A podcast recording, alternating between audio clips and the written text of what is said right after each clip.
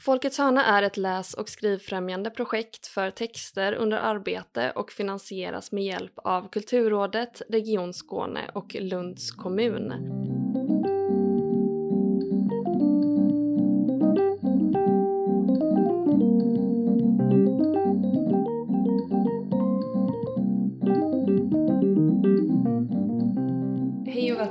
Folkets hörna, en podcast om den skrivande praktiken. Mitt namn är Emilia Palmén och som vanligt har jag med mig Agnes Stenqvist. Idag pratar vi med Ida Genberg. Hej! Hej! Du har skrivit romaner och noveller. Eh, förra året så kom du ut med den mycket uppmärksammade, lästa och hyllade boken Detaljerna som sedermera tilldelades Augustpriset. Vi har läst någonstans att du eh, inte kan skriva med en implicit läsare närvarande. Och jag undrar då om den här uppmärksamheten har förändrat eller påverkat ditt eget skrivande i den aspekten? Ja, kanske inte på något medvetet sätt direkt, men jag antar att det påverkar. Nu är inte jag igång och skriver något nytt, men jag tror att jag kan fösa ut förväntningarna ur rummet. Jag, har inte så, jag är liksom för gammal för att bli nervös för sådana saker. Eh, men eh, jag vet inte vad du löser det där, men det, jag tror att det är en ganska bra grej att inte ha läsaren med sig hela tiden. För, för mig blir det rätt att jag liksom börjar ställa in mig och börjar bli, försöka behaga på olika sätt. Och då eh, blir det ofta rätt dåligt när jag skriver på det sättet. Det är skillnad när jag var journalist. Då var, skulle man ju ha läsaren framför sig hela mm. tiden. För det var det liksom kommunikationen som är det viktiga. Nu är det något annat. Och då tänker jag att det är liksom lite grann förläggarens och redaktörens då, den personens uppgift att eh, säga att det här kan inte vi publicera tyvärr. Mm. Har du aktivt arbetat med att få bort eh, den implicita läsaren eller har det skett naturligt? Mm. Nej men det har nog skett ganska naturligt. Jag är liksom inte så van att ha läsare eller träffa läsare eller sådär. Utan det var bara mer att så här vill jag skriva liksom. Mm. Mm. Kan du inte berätta lite om hur detaljerna kom till?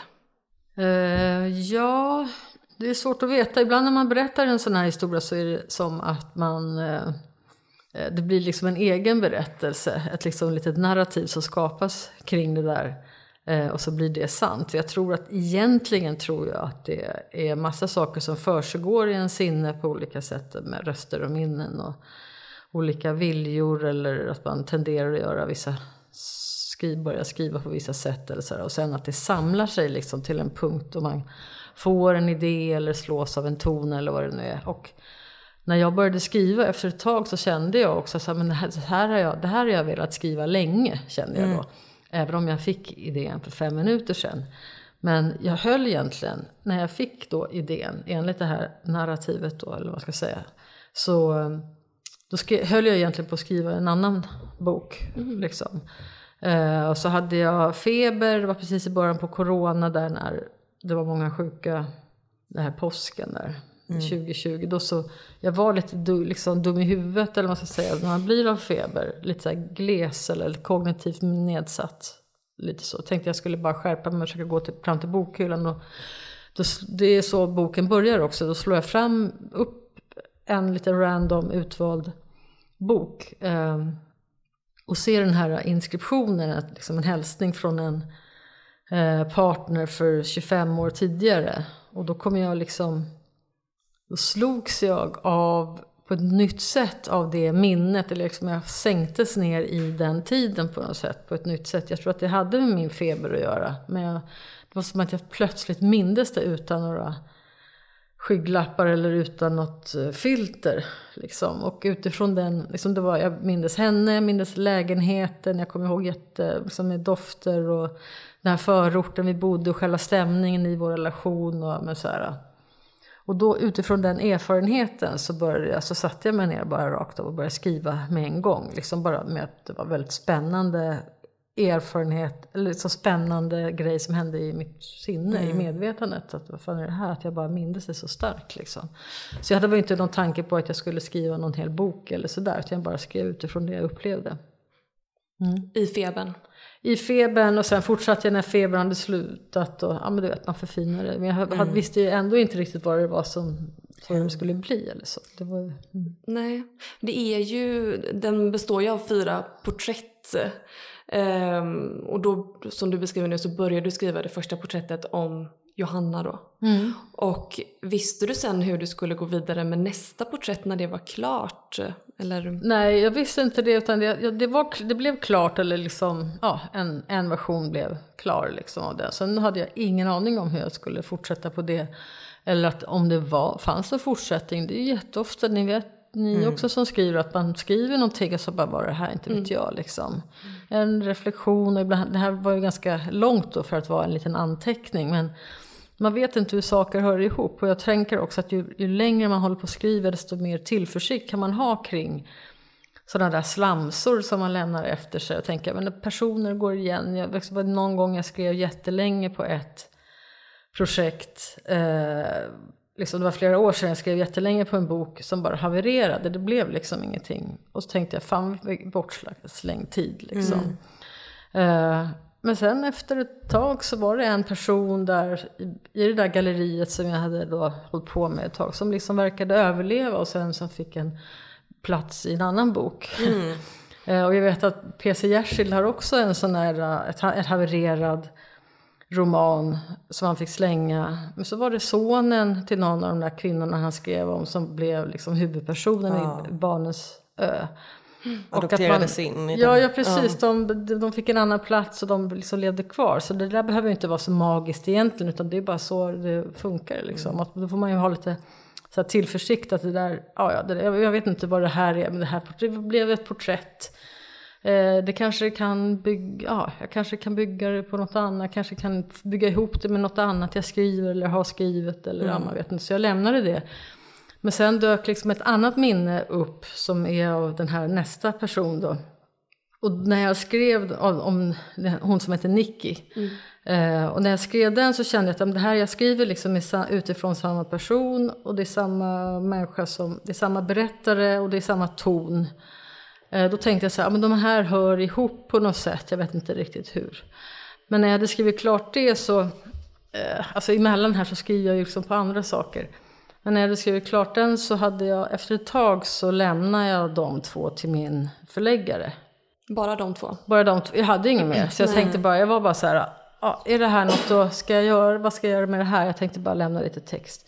Och då messade han samma kväll och bara, men skriv inte på något annat nu, skriv lite mer. Fokus på detta. Ja, precis. Så här, för att jag berättade också att jag skriver på den och den. Ja, lite så här. Eh, Så då tyckte han att men nu gör lite fler porträtt och så sätter vi ihop det. Så det är liksom inga problem, det är en roman det här. För det är det som är också... Alltså ibland när, man, när det är lite så här att saker faller sönder så blir det ofta liksom novellsamling av det. Och då är det liksom det är bättre med det. Jag vill liksom inte ha någon novellsamling, jag vill skriva en roman.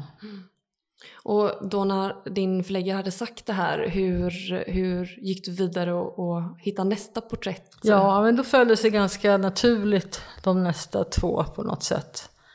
Eh, Jag skrev, det sista kapitlet skrev jag som nummer tre då. Fast jag Ah, visste okej. att det skulle vara sista. Jag kom liksom inte runt eh, den här den personen. Eh, och sen skrev jag det, den tredje skrev jag som sist. Så det var lite... eh, det var liksom ganska mödosamt på något sätt. Och jag hade ju tankar så här, man kanske ska skriva flera porträtt eller liksom att det skulle bli tjockare. Men sen var det kändes ändå ganska bra, för den är rätt kompakt, det är en rätt kompakt text liksom. Så då kändes det ändå bättre att, den, att vara fyra bara. Så man, folk blev, jag tror man blir lite övermätt som det är liksom för många. Ja, och det var alltid de fyra. Det blev aldrig några andra som du tog Nej, bort? nej precis. Jag kanske började på någon eh, möjligen, men jag kände direkt att det här, men det här är, det är nog liksom.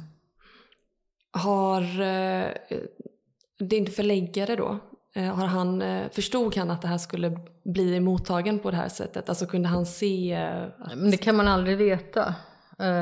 Det där är jättemycket andra variabler. Som jag tror den hade lika gärna kunnat vara, kanske fått några fina recensioner och så kanske någon som inte förstod den alls. Eller vad är det här? Och så, det, det vet man aldrig, kan man aldrig säga innan. Liksom. Han tyckte den var bra och jag kände mig nöjd. Och det var, man kan ju bara gå, utgå från det.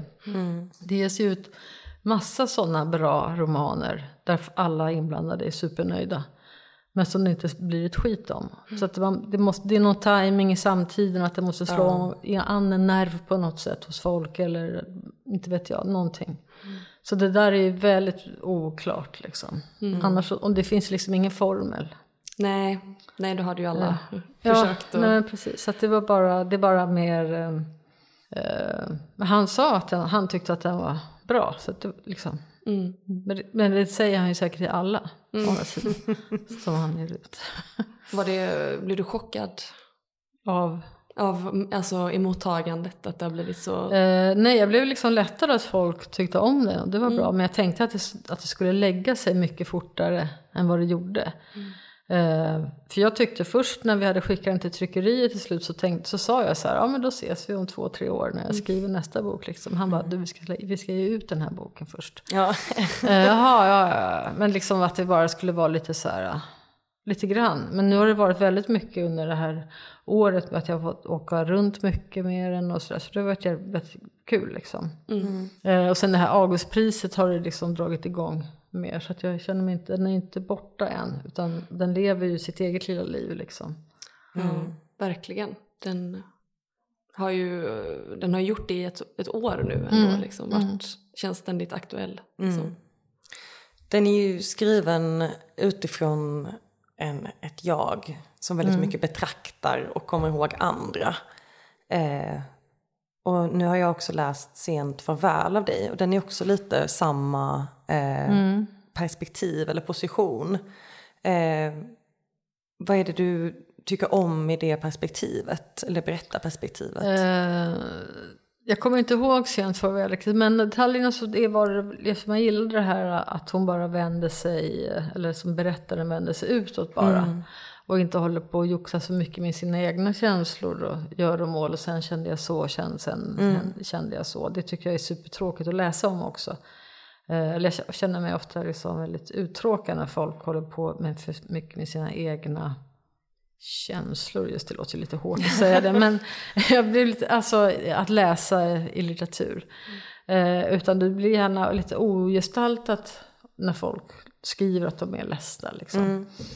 Eh, men så jag ville att hon skulle vara, ha det här utåtriktade, eh, liksom vara med som ett spjut utåt. Så det var liksom ett helt medvetet val. Och jag tror att det också är, i detta så finns det också, om hon inte är så upptagen av sig själv så finns det också en öppenhet för andra människors eh, nyanser och egenskaper och grejer. Som, alltså en öppenhet och en så icke-dömande mm. grej. Liksom. Så att hon bara tar ja. in folk. Jag gillade den grejen. Ja, jag tänker ju mer man tar bort av ett jag, mm. desto mer man, kan man ta in av andra också. Mm. Jag förstår också den... Eh, det blir lätt att det kanske blir arrogant eller att jaget blir liksom slå ner på sig själv om man tar in för mycket av det. Mm. Eh, och att det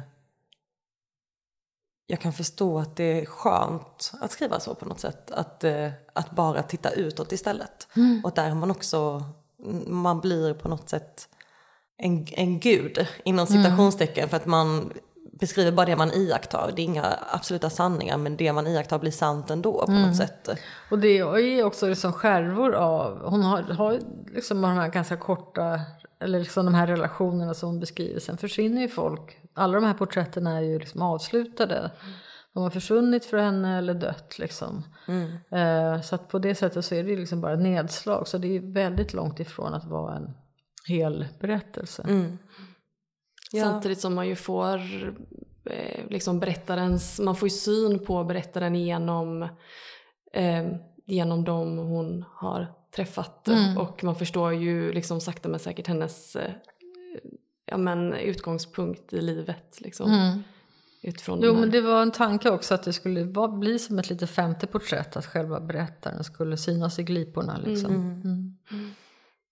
Och hur rent praktiskt gick skrivprocessen till? Om vi tänker, du började skriva när du hade feber och sen hur ser dina, liksom, eh, hur ser dina skrivdagar ut? De, är liksom, de skiljer sig väldigt mycket, man kan inte säga något generellt egentligen. Eh, men den här var väldigt lustfylld att skriva men otroligt mödosam också men vill, vadå, vill du veta vilken tid på dygnet jag skriver och sånt? Nej, men, eh, ja, absolut både det men också ehm, var tycker du att det är roligast att vara i skrivprocessen? Är du någon som älskar att liksom redigera? Eller är det liksom... Men skrivprocessen i den här, just den här boken, det var väl liksom väldigt, väldigt konstig eh, metod som jag hamnade i, som jag inte kunde ta mig ur. Utan det var liksom direkt, jag var tvungen att, eh, för att hitta den här tonen eller för att komma in i det här uh, molandet eller vad man ska säga, för att kunna skriva helt enkelt. Så jag var liksom tvungen att börja från början varje dag. Så jag skrev om allting från början varje dag inom ramen då för varje porträtt. Så jag, varje dag så började jag från början och skrev igenom texten och höll på att redigera. Slängde jättemycket, jag strök typ mer än vad jag liksom skrev ibland. Eller väldigt många dagar så var det så att det, det var färre sidor när jag slutade än när jag började. För att jag hade strukit så mycket. Men det var liksom det enda sättet för mig att komma in i i den här tonen. Jag kunde liksom inte hoppa in bara att, var var jag någonstans? Och så börja där. Utan jag var liksom tvungen att bara mm, mala ner. Som att jag var tvungen att stämma om pianot varje dag liksom. Och det blev ju väldigt mödosamt. Ja, det låter som... Det, otroligt långsamt gick det också. Men det var också ganska tillfredsställande när jag liksom lyckades hamna i den här tonen och kunde skriva ändå några ytterligare rader den dagen. Liksom. Och sen fanns det också en... eh, Det är liksom någonting underbart med att göra, liksom, göra det så delikat och perfekt som det går. Liksom hur, eh, liksom hur, om man, just när man lagar mat, man gör en, liksom, den perfekt, en perfekt förrätt. Det är inte att de är, den är okej, utan den ska vara perfekt. Vad ska det liksom, hur ska det vara? Att det att man försökte, eller jag försökte få det så, alltså det var väldigt noga så här, hur orden umgicks med varandra och hur det lät och hur meningarna var efter varandra och att jag liksom gick helt bananas på det där. Bara total OCD liksom. Tvångssyndroms eh, liksom, eh, Och det var författande var det. En tag. plats du gillade att vara på i Ja, det. det var kul eh, att skriva så när jag liksom accepterade att ja, men det här verkar vara min metod och det verkar gå jätte, jättelångsamt. Mm. Eh, Att det, var, det var liksom ingen som stod och hetsade mig eller sådär. Jag ville ju bli, jag ville bli klar någon gång och det var, det var inte så att nu åker inte tryck så måste jag snabba mig på liksom. Så det var tillfredsställande på det sättet. Om man bortser från din förläggare då, hade du någon annan som läste manuset? Eh, Ja, jag har en kompis som läste, hon fick läsa också ganska tidigt då när han fick läsa. Hon tyckte också att det var jättebra de här två första eh, porträtten och tyckte att det var kul att få läsa och hejade på på alla möjliga sätt sådär.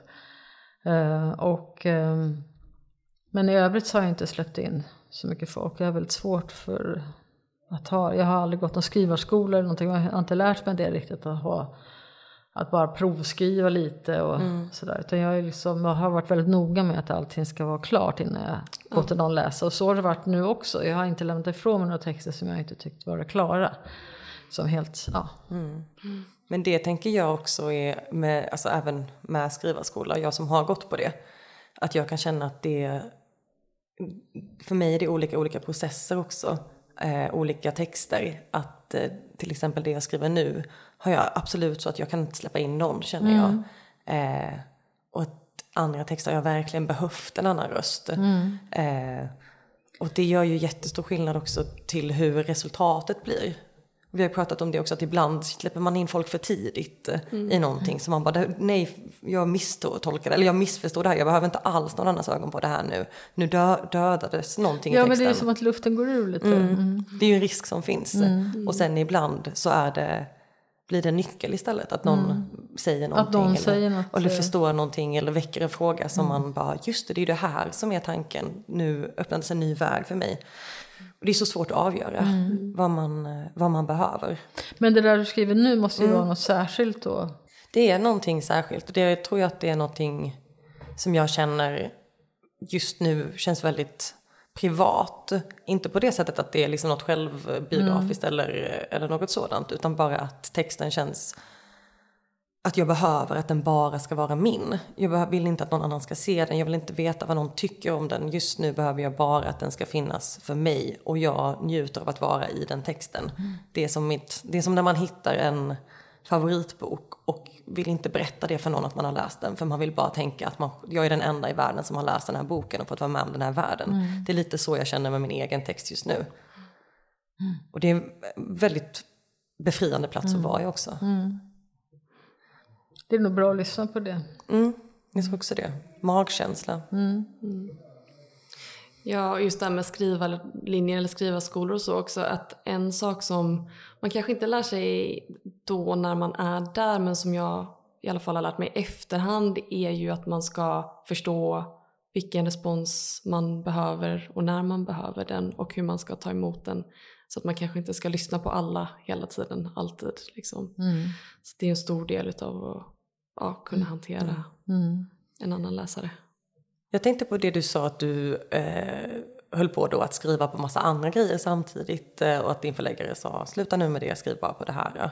Jobbar du ofta så att du har många saker igång Ja, samtidigt? men det är väl mer för att jag är liksom ett tecken på lite osäkerhet och eh, fladdrighet och att jag inte har, sitter någonstans ordentligt och att det bara är ett kaos hemma. Med, Jag sitter i soffan och jag har inga, har ingen skrivbord ens hemma. Liksom. Så att, eh, Ergonomin.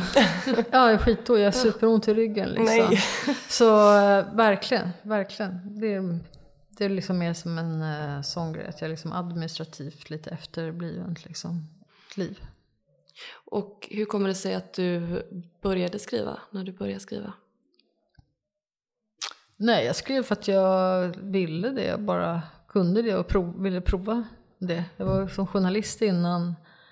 Eh, Jag hade skrivit några noveller och fått väldigt bra så här, eh, feedback från eh, ett stort förlag. Och då kände jag så här, "Ja, men det här kanske jag ska göra någon gång.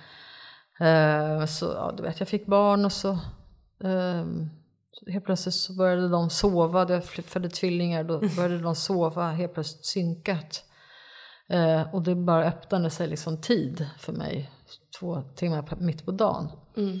Och då tänkte jag, men nu har jag chansen här att utveckla någonting, just den här, det här spacet som var. Liksom. Och då skrev, började du skriva på din debut. Ja, ja, precis. Då hade jag lite idéer, eh, så så började jag skriva på det. Mm. Mm. Det var väldigt kul. Jag var också väldigt trött på att vara journalist och allting som jag gjort innan. Så att jag var liksom på jakt efter en ny verksamhet också. Mm. Vad har du för relation till dina tidigare böcker? Eller det du har skrivit? Ja, vad relation till dem? De är väl där liksom som ex. Som gamla ex liksom. Man, man får acceptera dem. Alltså, det gäller även den här boken som jag nyss har skrivit. Jag har ju lämnat den liksom rent...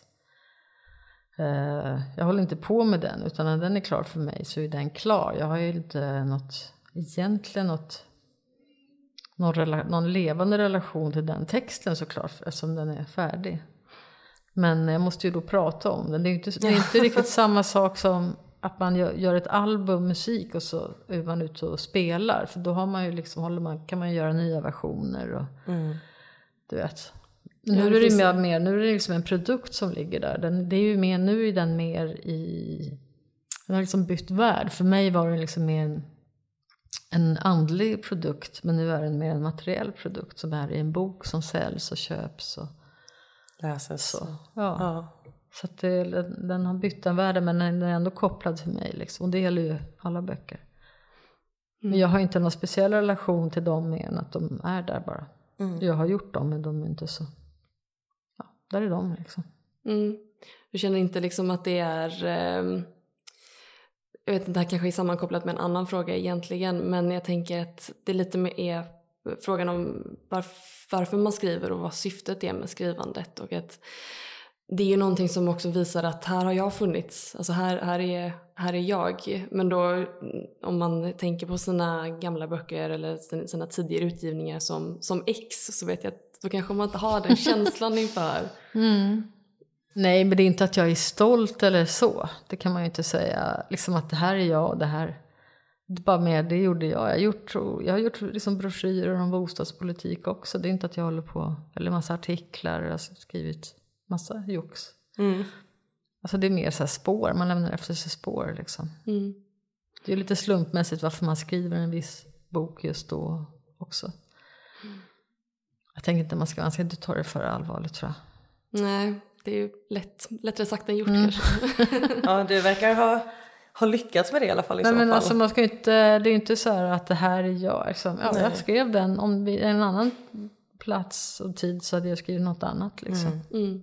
Vissa teman som återkommer i dina böcker som jag och Agnes har pratat om. ehm, när vi har pratat om eh, ja, men, eh, liksom återkommande typ bilder eller eh, ja, men, teman. Och då har vi pratat om just det analoga fotot. Att det känns som att du har ett, ett, eh, ett speciellt, en speciell relation till fotot. Ja, men jag fotade jättemycket när jag var yngre. Då var det liksom, jag la aldrig ifrån mig kameran överhuvudtaget. Så jag varit liksom väldigt kär i fotografiet kan man säga. Tidigare, jag har tidigare en relation till att, både att fota och att eh, liksom framställa den fysiska bilden. Ehm, och är rätt fascinerad över den grejen på något vis. Men det gör jag ju inte nu. Och om man kollar på bilderna i min mobil är det, det är inte några foton. Det är inte några riktiga foton utan det är mer att jag fotar kylskåpet på landet för att jag ska komma ihåg vad som är där. Eller liksom du vet man fotar maten och så skickar till barnen för att de ska komma hem och äta. Sådana där saker. Eh, så det är bara bruksfoto som används istället för ord. Så jag har liksom ingen levande relation till foto idag. Och alltid när jag går på fotoutställningar känner jag mig liksom lite sur och besviken och så. Så att jag har liksom, det är en gammal relation också som också är som något som jag har liksom lämnat. Ett ex. Ja, Ytterligare ett ex. I samlingen. Ja, jag tänker att det finns, det finns ju en eh, häftig liknelse i det också med just det här betraktande eh, berättaren. Och någonting med att typ ta ett foto också. Att det är också att välja ut och se någon annan och gestalta någon annan. Eh, och också tänka att ibland, nu sa du att du inte har så stor relation till Cent för världen, men nu läste jag den precis, jag har den väldigt färskt minne. Och där är det också ett analogt foto som också vänder Ja, på, just på det. Det. alltihopa, eller som leder till konsekvenser och leder till ett avslöjande och en förståelse. Att det känns, eh, det känns som att det finns, finns många liknelser i liksom, fotot som handling och berättandet av andra som, eh, som går, i, går ihop där. Väldigt snyggt. Det är väl också att fotot liksom åldras också. Det är väl liksom, den fångar också tiden, inte bara en människa utan också en tid då det här ta- tas liksom. Att man, ibland kan man kolla på gamla bilder och så förstår man att det är de som är i centrum är de här människorna. Men sen det som är intressant är vad som är runt omkring. Att det var, ja, men den där bilen och kolla det var vänstertrafik eller ja, sådär. Att det liksom berättar, man vet inte vad ett foto berättar när man tar det tror jag. Och också kanske att det är en... Att det väcker någonting i en själv. Att man minns var man själv var när man tog det, vem man själv var. Jag tänker det är samma när jag ibland läser igenom gamla dagboksanteckningar från tidig tonår och så. Att jag kan få upp en bild. Jag, minns exakt var jag var när jag skrev det här. Ja. Eller jag minns, jag minns att jag ljuger när jag skriver det här. Ja. Precis. Att det är väldigt, eh, att man, det är ett väldigt effektivt sätt att spara en tid, en specifik tid och plats. Ja, bara en, en tanke. Intressant. Ja. Ja, eh, det finns ju också en del i de här, eh, eh, kanske allra främst i detaljerna då. Temat av, liksom, av att försvinna, av den analoga tiden på det sättet av att man kan tappa bort någon. Eh, vad, är det, vad är det med det för dig? Vad betyder det för dig? Eh, ja, det, alltså, framförallt är det mycket mer intressant ur litterär synvinkel. Verkligen.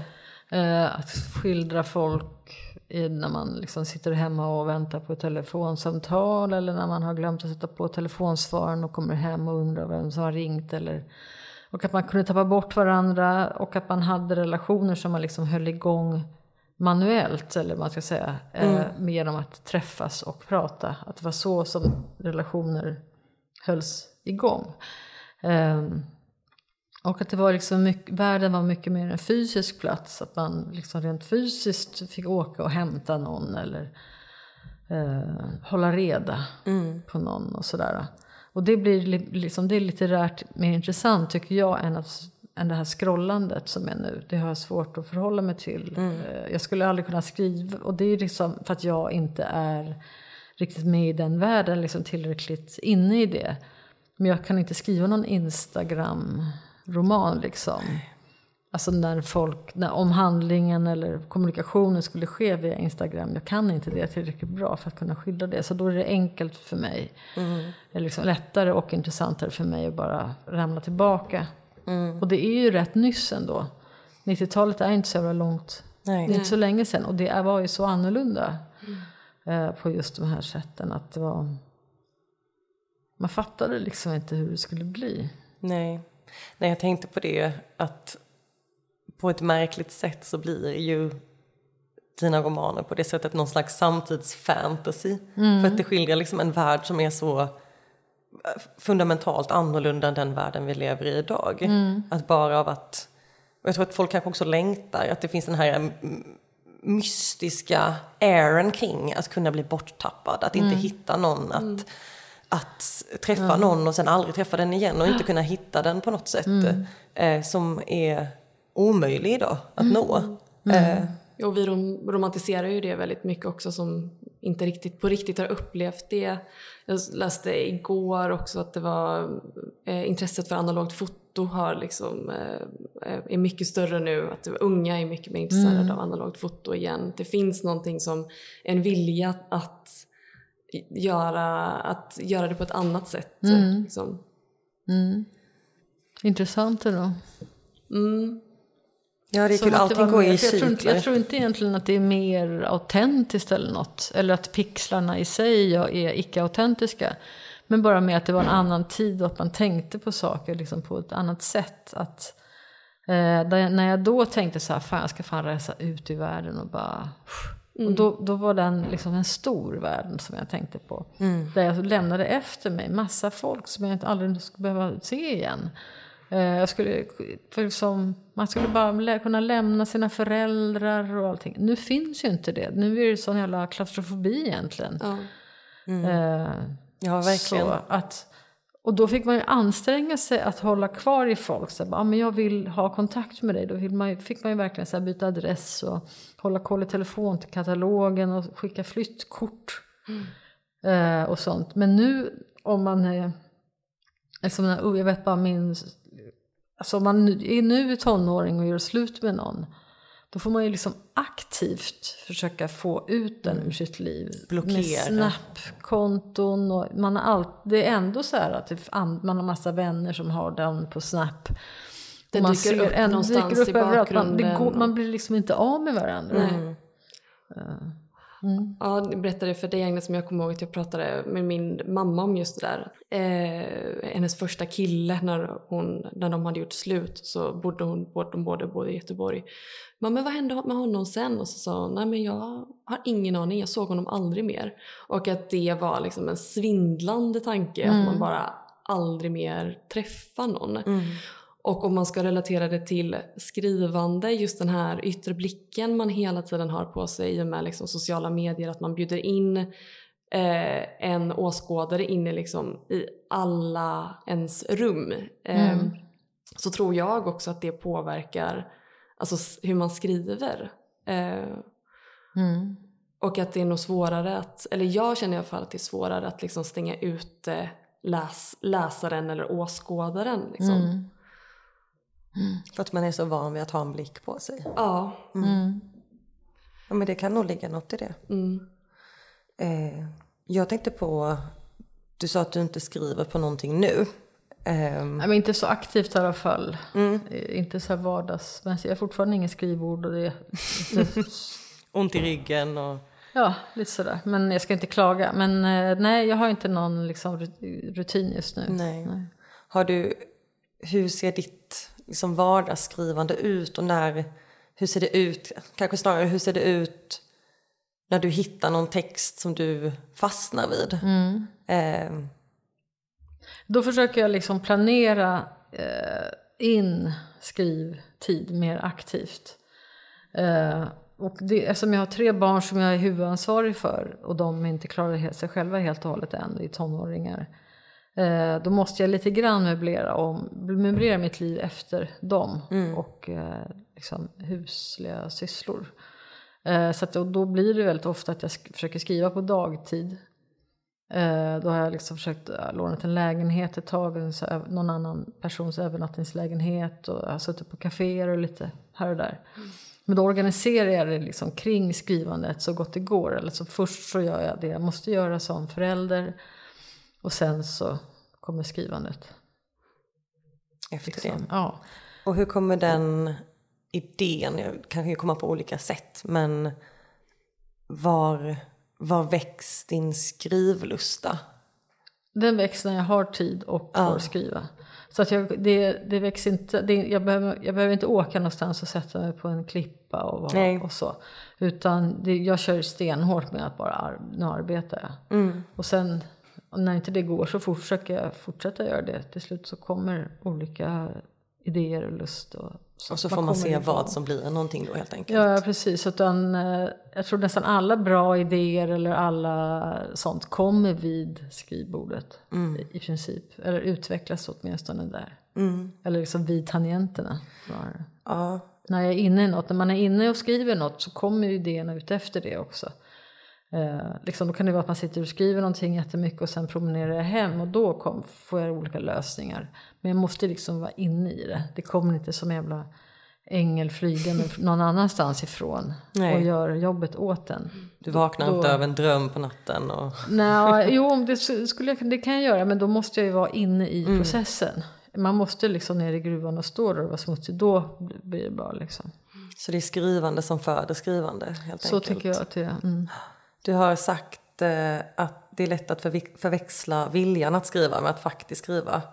Eh, och att skillnaden mellan det är att faktiskt sätta sig ner och bli kvar framför datorn. Eh, hur gör man det då? Det är bara ren skär... Nej, men det är också först att intellektuellt eh, göra den observationen. Att det är bara skrivande som är skrivande. Om man då hittar sig själv på ett café och sitter och pratar om att skriva. Då kanske man gör det misstaget att eh, liksom, det, det handlar väl mer om så här perception. Man tror att här sitter jag och skriver, men det gör man inte. Man sitter och pratar om att skriva och det räknas inte till kategorin skriva. Eh, utan det är liksom en annan kategori som mer handlar om att fika och prata om att skriva. Så att vi, det handlar mer om att man ska vara lite så uppriktig mot sig själv. Eh, så här, vad gör jag nu? Ja, om jag vill skriva så ska jag nog skriva.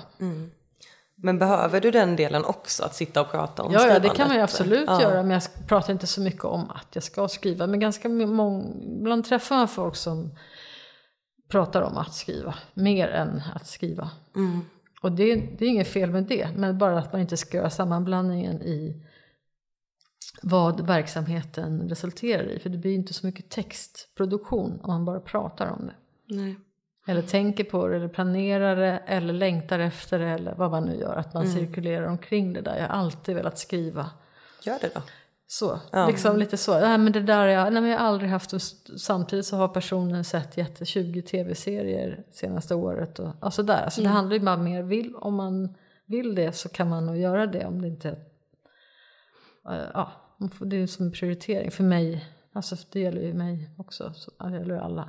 Men eh, för mig är det, har jag liksom efter ett tag så får man liksom bara strunta i det här ångest och sånt som man har kring skrivande. Och jag tror att det är enklare när man som ni har gått skrivarskolor och sånt. Då har man liksom en lättare tillgång till det där. Liksom att man, hit, man kan man har pratat klart så att säga om det och hittar vägar fram till tangentbordet liksom.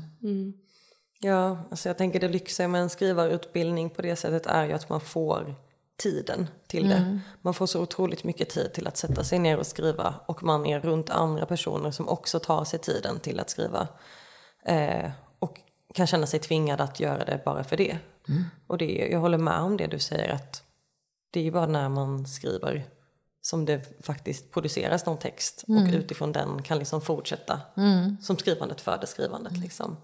Ehm, även om man också kan få idéer och tankar av att diskutera det, Mm. eh, såklart. Men att det är Men man måste ändå olika- vara inne i det liksom. Mm. Ja men exakt. Jag tänker du har ju en karaktär i detaljerna som är lite så, eh, Nicky.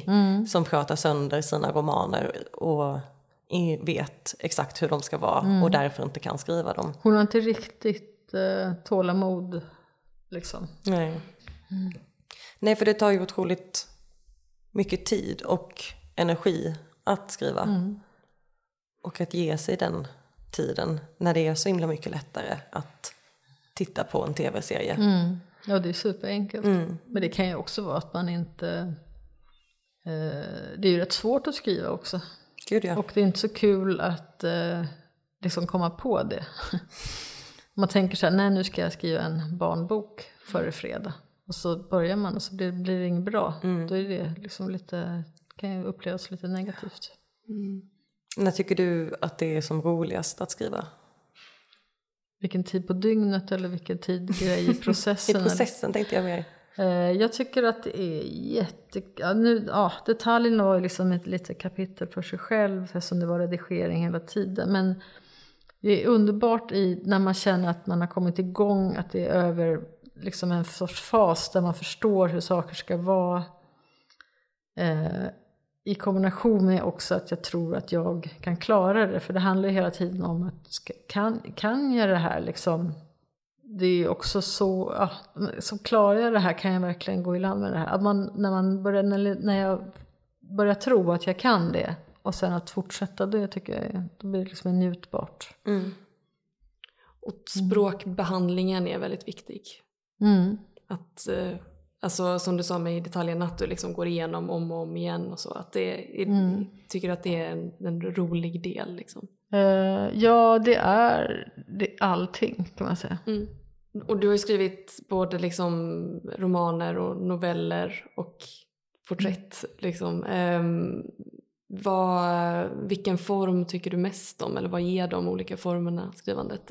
Ja, men när jag skrev de här, det som kallas novellsamling, det var också egentligen en roman tyckte jag, även fast det föll isär i berättelser, men de hör liksom ihop. Eh, det var väldigt kul att skriva de grejerna också faktiskt. Eh, det blir ofta så att jag försöker närma mig ett ämne lite, liksom att det ska, det blir lite liksom upphackat oftast när jag gör saker, så jag kan inte säga egentligen att det är olika saker direkt. Jag tyckte det var också som en roman att skriva Mm. den grejen liksom. Jag förstår. Mm. Men det, du, du, ehm, det känns som att det är liksom många, mycket de här delarna bildar liksom helheten. Men för jag tänker själv på just det här med översikten över ett projekt eh, och att om man är uppdelat i olika delar så är det lite lättare med, med liksom översikt och vad som, vad som faller bra vart någonstans. Liksom. Mm. Hur, hur gör du när du skriver och ska få en överblick över, över ditt, din text? Mm, Det är lite olika, olika. Alla böcker är liksom som att jag måste uppfinna en ny metod och, och så.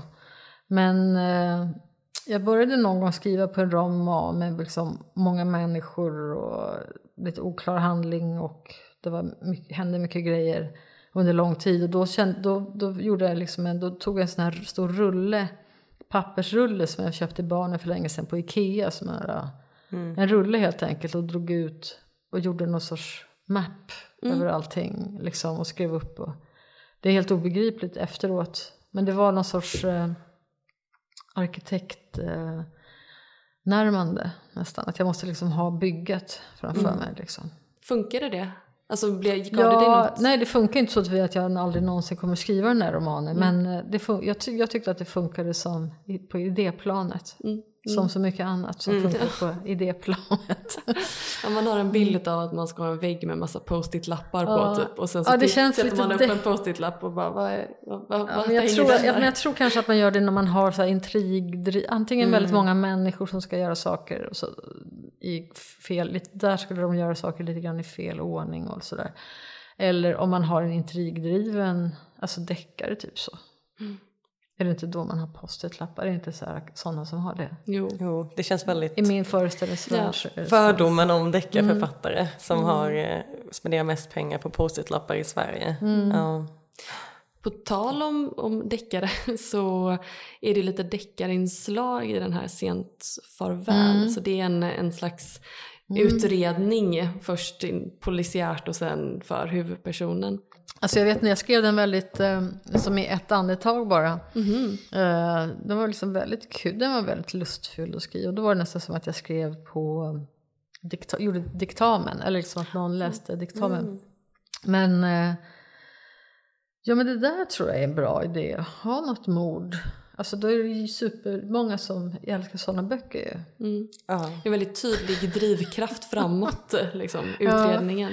Jag Jo, tänker det är väldigt populärt just nu att ha just det. Eh, jag tänker på till exempel på tv-serier, White Lotus, den som var så populär nu. Den har ju också just den att det handlar kanske inte så mycket om ett mord men de planterar in ett mord i början eh, som sen ska, som blir någonting som man fortsätter titta på. Jag tänkte på, vi började kolla på den här eh, Big Little Lies igår Ja, som också är Ja, så att det, precis.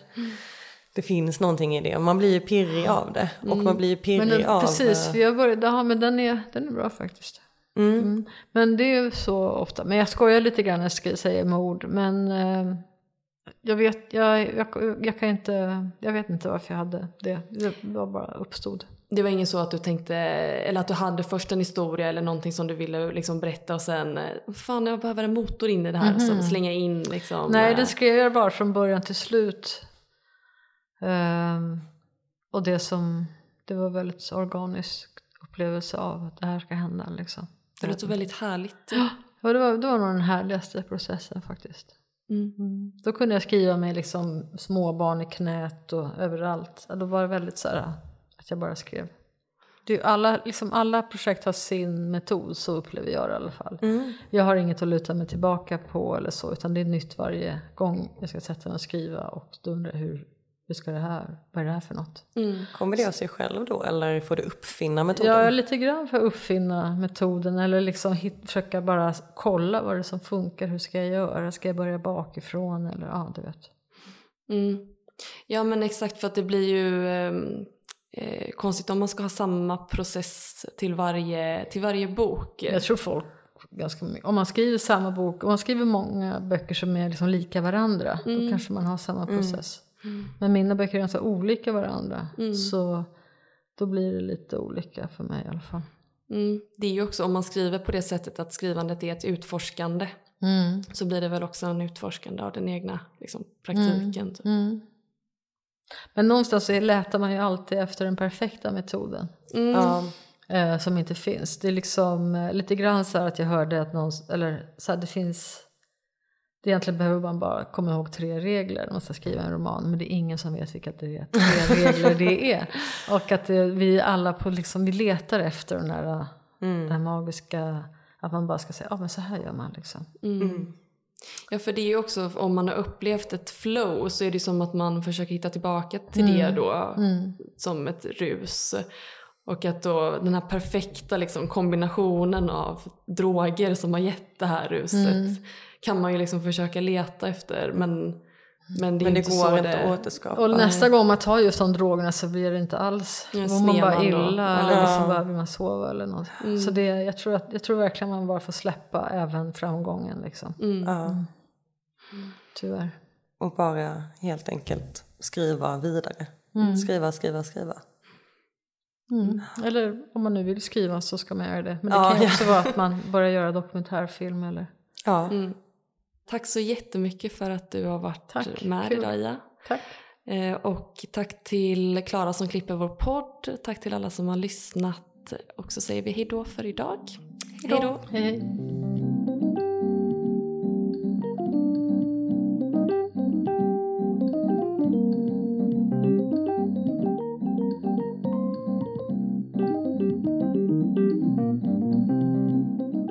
Ni har lyssnat på Folkets hörna. Om ni gillar podden så kanske ni också tycker om vår övriga verksamhet. Nästa evenemang på scen är i Stockholm samma dag som den här podden släpps, alltså den eh, 7 mars. Och då har vi med oss Hans Gunnarsson. Eh, det är på eh, Stora Nygatan 7. Den 22 mars så har vi evenemang i Lund med Raja Bahari.